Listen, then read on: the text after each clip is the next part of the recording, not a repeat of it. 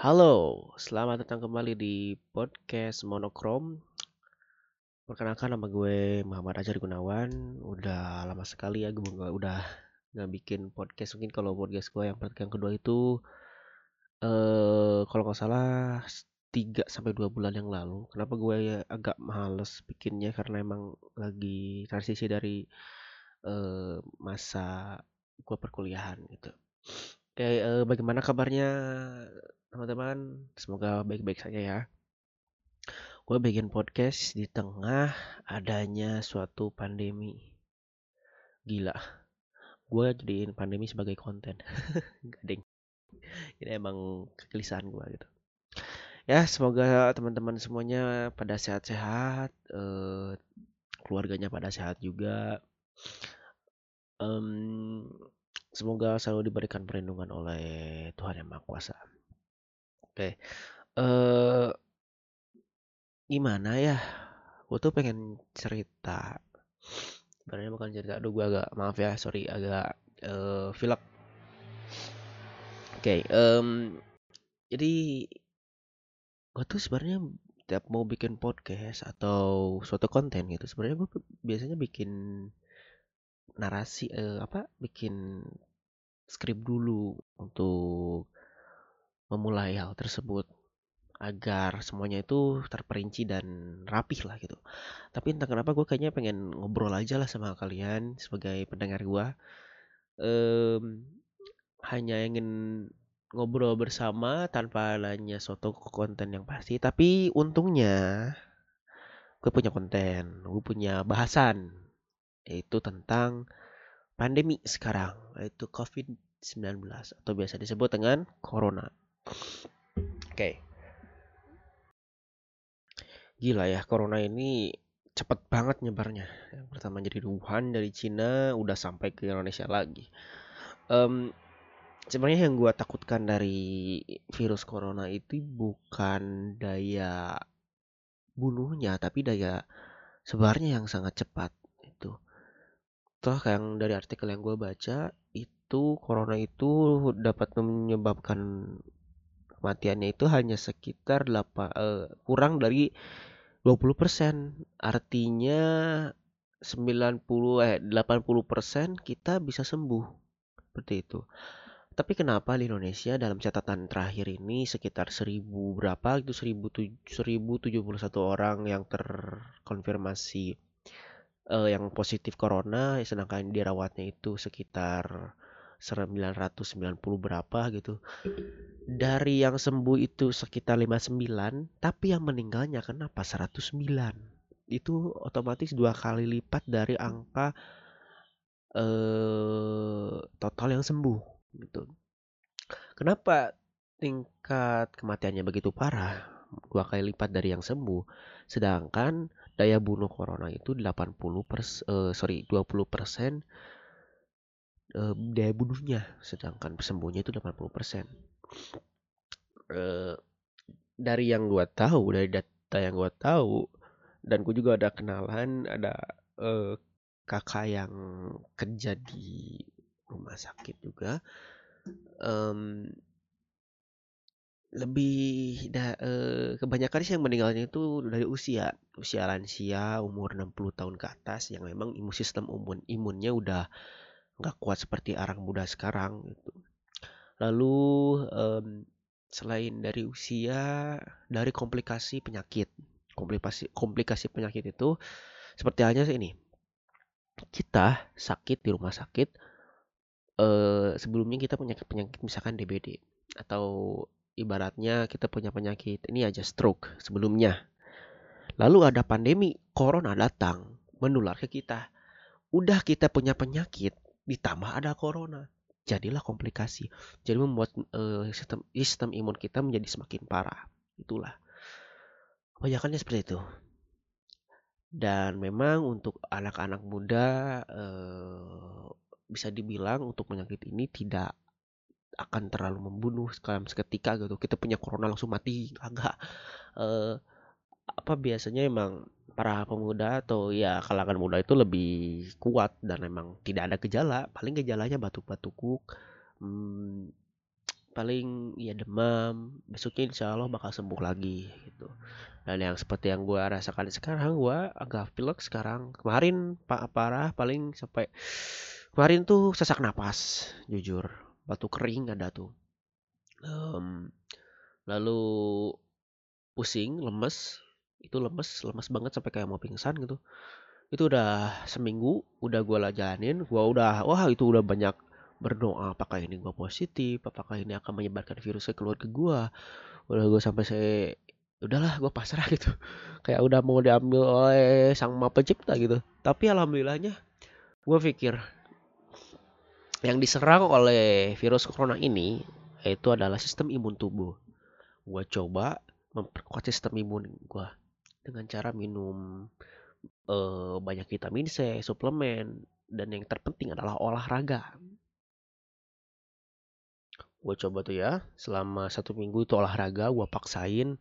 Olahraganya yang kecil-kecil aja kayak angkat barbel lalu push up lalu ya banyak lah sebenarnya olahraga yang bisa dikerjakan di rumah gitu. Dan itu harga enggak enggak mahal murah banget. Malah enggak harus perlu ngeluarin banyak duit gitu kalau push up ya gitu. Push up sit up back up.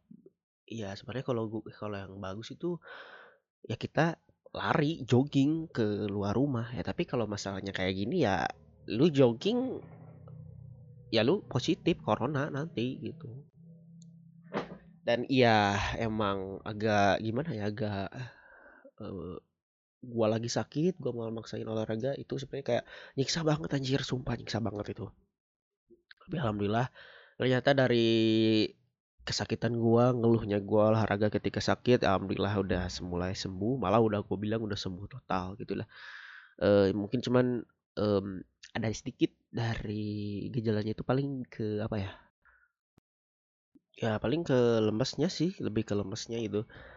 E, ya lemes kayak lu nge, apa ngelakuin sesuatu bawaannya itu males gitu. Itu bukan kayak trombositnya kayaknya gue turun gitu. Gue juga gak tahu sih gue gue nggak tahu apa yang gue uh, rasakan sebenarnya itu tuh. Oke. Hmm, semoga teman-teman semuanya itu tidak merasakan apa yang gue rasakan ya uh, karena ini emang gue tuh yang gue takutkan itu bukan sakitnya sih bukan kayak demamnya. Ya demam gue sehari-hari juga udah biasa demam itu. Demam ya udah demam biasa. Tapi yang jadi masalahnya itu paniknya bro. Paniknya. Gue demam batuk bersin. Anjir itu. Hati gue tuh ya udah ya Allah sekarang tuh mau udah gitu pikirannya tuh udah mau aja udah kayak ya ya Allah udah kayak udah kayak mau tobat gitu udah kayak mau bener-bener mau jadi kiai lah gue gitu udah bener-bener hatinya tulus udah udah bersih tiap mau tiap uh, apa gua kerasa panas gitu tuh. Uh, parah deh bang. So, untuk teman-teman yang kalian rasain tuh selama ada pandemi ini gimana sih? Kalau gue sih lebih ke gimana ya? Terkurung anjir, terkurung banget. Gue orangnya ambivert. Ambivert itu kan gabungan dari extrovert dan introvert. Sebenarnya gue nggak bisa bilang itu karena um, gimana ya, gue suka main, main keluar rumah, tapi nggak terlalu lama juga. Tapi gue juga suka di rumah, belajar. Jadi gue tuh e, pertengahan gitu, gue tuh harus memenuhi hasrat dari salah satu sikap gue, salah satu karakter gue. Dan karakter gue yang udah kenyang dari dua minggu kemarin itu introvert gue gue libur kuliah dari Desember sampai dengan Maret. Berarti itu Desember, Januari, Februari, Maret udah tiga bulan. Disuruh libur lagi nih, dua minggu lagi. Ya gue tambah kesel lah. Gue tapi gue pengen belajar. Gue nggak nggak ini nggak nggak sok-sokan jadi orang pintar yang senang belajar, yang gila belajar gitu. Tapi yang gue keselnya itu gue udah gue udah libur nih ya tiga bulan gue udah libur tiga bulan. Uh, selama tiga bulan itu gue belajar udah istilahnya ya gue membuang waktu dengan hal yang positif. Tapi udah itu gue disuruh libur lagi nih dua minggu katanya sampai April nih ya nggak tahu nih tapi kalau dari surat edaran dari pemerintah Tangerang gue lihat dari saudara gue yang masih SMA itu sampai 2 Juni. Ya elah gue harus dua bulan lagi nunggu nih. Gue harus jadi lima, eh, selama lima bulan gue jadi pengangguran gitu. Meskipun ada kuliah online kuliah online gak terlalu efektif. Serius. Gak terlalu efektif cuy. Pakai aplikasi apa tuh namanya? Zoom atau apalah itu gak efektif asli boro-boro bisa paham materinya. Minimal gue bisa denger suara temen gue aja gak bisa. Itulah. Eh yang kalian rasakan apa sih selama pandemi ini uh, terutama untuk untuk para mahasiswa dan pelajar gitu?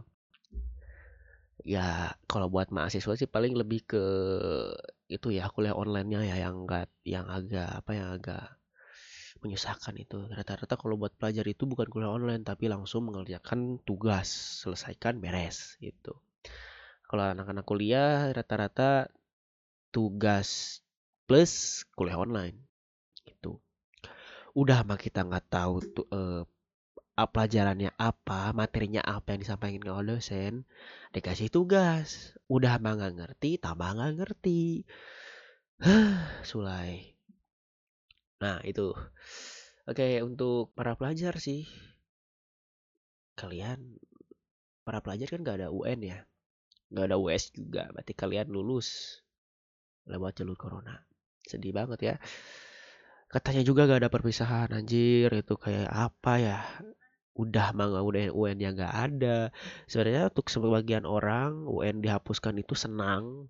Tapi di sebagian orang untuk UN itu ada juga yang nggak senang. Nggak senangnya itu pagi para mereka yang udah belajar serius gitu ya udah les di mana-mana udah les di Primagama udah gue bukan mau sponsor ya udah les di eh apa tuh yang Ganesha Operation atau apa itu yang udah bayar per bulannya ruang guru itu kan mereka lebih ke apa ya lebih ke anjir gue ngapain les kemarin? Pulang uh, malam berangkat pagi ngapain? gitu. Kalau UN yang nggak jadi kan sulai. Lah gue sama pak munafik lah. Gak, gak pasti ada yang kayak bilang ya udah gue les pengen gue bisa belajar gue bisa uh, paham tentang materinya. Ah, bullshit gue tahu. Lu semua uas atau apa les itu buat paham buat lebih ke UN-nya bukan ke ilmunya yakin dah gue udah lulus kalau secara normal ya kalau nggak ada corona itu UN setelah UN ya setelah UN kita ada waktu libur tuh lima bulan atau tiga bulan itu buat persiapan ke kuliah. Otomatis untuk yang uh, jalurnya undang apa undangan itu kan kita nggak usah belajar lagi ya kecuali ya untuk mereka yang jalur uh, eh, SBM atau ujian mandiri itu mereka otomatis harus belajar dulu tapi gua yakin selama libur itu kalian materi yang kalian lahap, materi yang kalian terima selama tiga tahun di sekolah atau selama les itu lupa, pasti lupa. Gua kuliah di jurusan IT, gue baru berapa bulan ya di IT kuliah tuh gue baru kok gue gue kalau kalau kuliah tuh kalau fresh graduate lah gitu fresh graduate anak SMA gitu ya. Eh langsung kuliah tuh selama enam bulan gue lupa anjir gue lulusan IPS gue lupa tentang uh, sosiologinya ya dan lain-lain banyak lah gitu. Gue malah ingetnya sekarang apa coba? Sintaks error visual code exam PHP Python, C++, malah itu yang gue paham sekarang daripada gue yang IPS. Ah, aneh emang gue ya. Itu. Ya mau sampai kapan lah kayak kita kayak gini gitu. Um, selain pada pelajaran mahasiswa, ya yang udah kerja juga kasihan gitu apalagi yang kantoran gitu itu benar-benar apa ya menyiksa banget lah gue yakin yang kantoran kayak ya kerja di perusahaan apa gitu. Kalau nggak kalau pakai meeting online itu nggak nggak ini nggak nggak efektif gue yakin dah. Susah susah. Kalau gue juga kan eh, kayak di kuliah itu ada kelompok ya. Nah kelompok bi- coba bikin meeting online gitu kayak ngobrol-ngobrol diskusi tentang kelompok. Susah cuy. Susah. Ya kalau gue sih nggak susah. Gue pakai wifi. Teman gue yang dari luar kota udah sama dia di kampung gitu udah sama dia di kampung tempat terisolasi di gunung eh, lagi. Kartunya kartu rakyat. Ya kartunya kartu ya kartu sulai gitu. Udah udah tahu gitu. Ya jadi jaringannya tambah ini boro-boro dengar suara. Mukanya juga nggak ada pakai gambar itu gambar icon orang. Yang jadi kan eh kasihan juga gitu. Apalagi kayak orang tua gue yang kerja di eh, bukan apa yang dapat penghasilan di wira swasta itu kan istilahnya eh harus keluar rumah untuk dapatkan rezekinya gitu. Kantoran sih menurut gue masih bisa kalau di rumah ya ya lu menggunakan internet gitu kan bisa lah gitu ya. Sedangkan wira swasta kan ya susah gitu. Apalagi kalau yang eh kita yang sebagai produk apa punya usaha kayak jual beli apa gitu. Ya kita hanya bergantung ke Gosen. Gosen aja eh udah di apa udah di udah ditutup. Transportasi umum udah ditutup udah gak boleh sama di subnya. Udah. Udah kita mau ngapain di rumah? Bengong rebahan gitu. Ya gue kan bisa ngalahin pemerintah juga ya. Pemerintah karena sayang kepada kita. Makanya mem- memberlakukan lockdown gitu ya tapi gue ya emang gimana pengen ngeluh lah gitu. Kenapa gitu lah. Kayak gimana ya gue pertama kali ngerasain libur tapi nggak seneng gitu. Bawaannya tuh marah bawaannya tuh eh, ngeluh gitu. Udahlah gue cukup lah buat ngeluh-ngeluhnya gitu. Emang sebel juga sih sama penyakit ini. Gitu. Oke em gue ada pertanyaan buat kalian apa yang mereka eh, corona rebut dari keseharian kalian? Bukan keseharian sih lebih ke aktivitas yang sering kalian lakukan. Rata-rata ya ya selain kalian bisa hangout sama teman-teman nongkrong keluar ya ada yang yang yang date yang pacaran sama temannya di mall itu atau yang lainnya. Atau ada yang suka main game ke warnet atau apa pun itu ya kalian jadi tidak bisa ya. Itulah yang direbut oleh corona dari kita selama dua minggu terakhir. Dan ini akan terus berlanjut sampai dengan Juni. Sa- eh, berarti sekitar satu bulan lagi ya.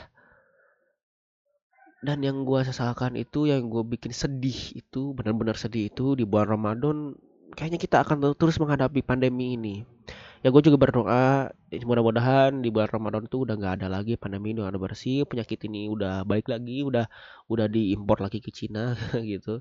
Ya udah bersih lah gitu. Eh udah mudah-mudahan udah bersih udah gak ada lagi. Ya gimana ya? Anjir bulan Ramadan cuy. Bulan Ramadan itu kan ter, dikenalnya itu kan bulan yang rame. Ada yang ngebuburit ada yang ya rame lah gitu lu bayangin gak bulan Ramadan gak ada yang taraweh cuy? Udah emang kita banyak dosa nggak taraweh. Susah cuy. Dosa kita makin banyak ini. Aduh itu udah mah kita banyak dosa dari makan eh, makanan pas bulan puasa kan? Ya gak ada taraweh ya ya Allah janganlah. Gitu mudah-mudahan udah disembuhin lah kita. Tuh bumi kita sedang istirahat tolong disembuhkan gitu. Ya gitulah lebih ke unek-uneknya dari gua gitu. Apalagi gua pengen gitu keluar sama temen hangout ngobrol-ngobrol. Anjir gue kayak di zaman purba sih ngobrol sama mic gue ini pengen komunikasi aja gitu. Susah gitu. Apalagi yang udah punya pacar gitu ya. Kasihan cuma bisa bilang kangen di chatnya itu ayang kangen kangen Udah cuma bisa gitu doang. Paling-paling nelpon ya gitu lagi ya. Pengen ketemu kan, gue juga tahu. Pengen itu ketemu, bukan sekedar chat kangen itu. Pengen itu ketemu, ngobrol, gitu, saling pegangan tangan, pelukan. Ya ciuman ya jangan sih cuma ciuman itu. Pelukan lah minimal pelukannya. Ya gitulah. E, kenakalan remaja. gitu. Padahal gue juga remaja ya bisa dibilang ya. Itu uh, mudah-mudahan lah para pandemik ini udah bisa sembuh ya udah gak ada lagi di Indonesia apalagi di dunia gitu semoga kita selalu diberikan kesehatan lebih tepatnya itu ya karena apa pun penyakitnya kalian kalau misalkan diberikan perlindungan oleh Tuhan yang Maha Kuasa oleh Allah Subhanahu wa taala kalian pasti akan sembuh pasti akan sehat selalu gitu itu untuk keser apa, keresahan gua. E, terakhir mungkin gua pengen cerita tentang bebalnya rakyat Indonesia, oknum rakyat Indonesia.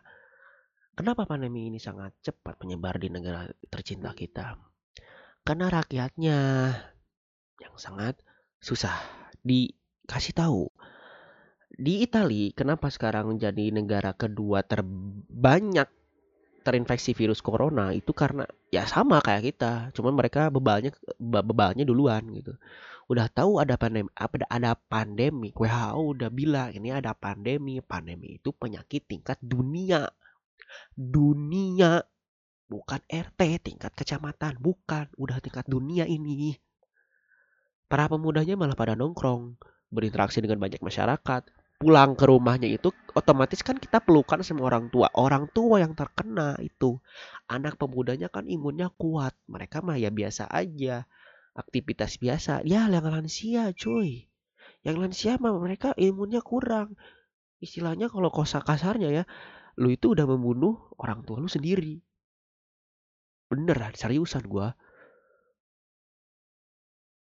Makanya stay at, stay at home. Diam di rumah. Kalau cek sudah ada mengaji dog cicing di imah ulah leba ulah gaya cicing di imah. Gitu. Susah. Iya. Susah disuruh diam tuh susah gitu. Gue juga gue pengen main cuy. Gue serius gue pengen main anjir. Gue pengen ke mall gue pengen pacaran lah istilahnya pengen pacaran sama pacar gue ya pengen main pengen keluar pengen liar gitu nggak diam di, di rumah terus apalagi gue anaknya anak kafe gitu kan. Sering ngobrol sama teman-teman di kafe ngopi sampai jam 12 malam atau jam 3 subuh itu gue juga mau. Eh cuman tahan dulu lah tahan dulu. Ini ibarat gimana ya corona itu ibarat gini biar lu kangen sama suasana suasana itu. Nih gue yakin ya nanti corona udah habis, udah gak ada lagi di dunia ataupun di Indonesia khususnya, gue yakin angka para pemuda yang main itu membludak. Tempat-tempat hiburan pasti membludak. Mau-mau pasti banyak pemuda karena mereka udah dikurung selama berapa bulan, diliarkan lagi, dibebaskan lagi gitu. Gue yakin itu, yakin gue yakin. Ah itu, gue juga tahu, gue juga pengen main bro, tapi stay at home jadilah pahlawan buat keluarga lu sendiri. Gak usah lu jadi tim kedokteran yang turun langsung ke masyarakat gak usah. Cukup berpartisipasi dengan diam di rumah. Karena gimana ya? Pahlawan terbaik menurut gua itu tim medis. Tapi support yang paling baik itu kalian masyarakat. Kita masyarakat dengan cara tidak keluyuran di rumah. Eh di luar rumah. Otomatis kalau kita tidak keluyuran di luar rumah, yang positif juga sedikit.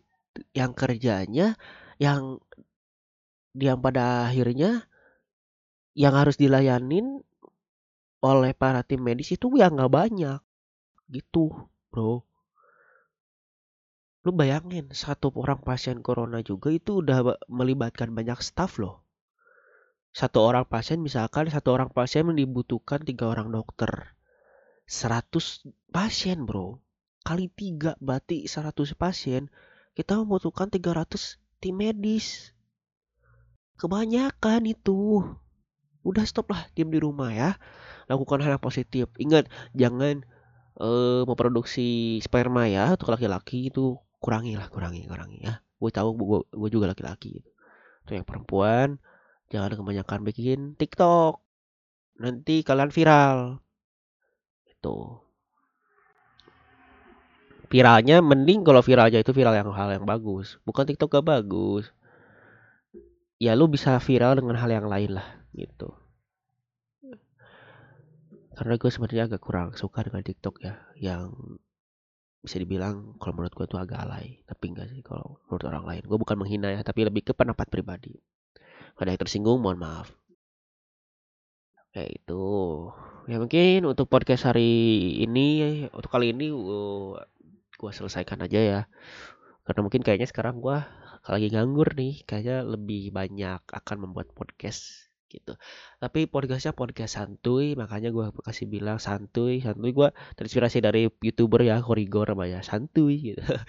Podcast podcastnya santai aja gak usah ada materi yang pasti curhat aja menemani kalian untuk kegabutan kalian bisa mendengar podcast monokrom ini saya Muhammad Ajar Gunawan terima kasih untuk para pendengar so tetap stay di rumah bersih bersih so stay in home and clean. Saya Muhammad Ajar Gunawan, terima kasih. Goodbye.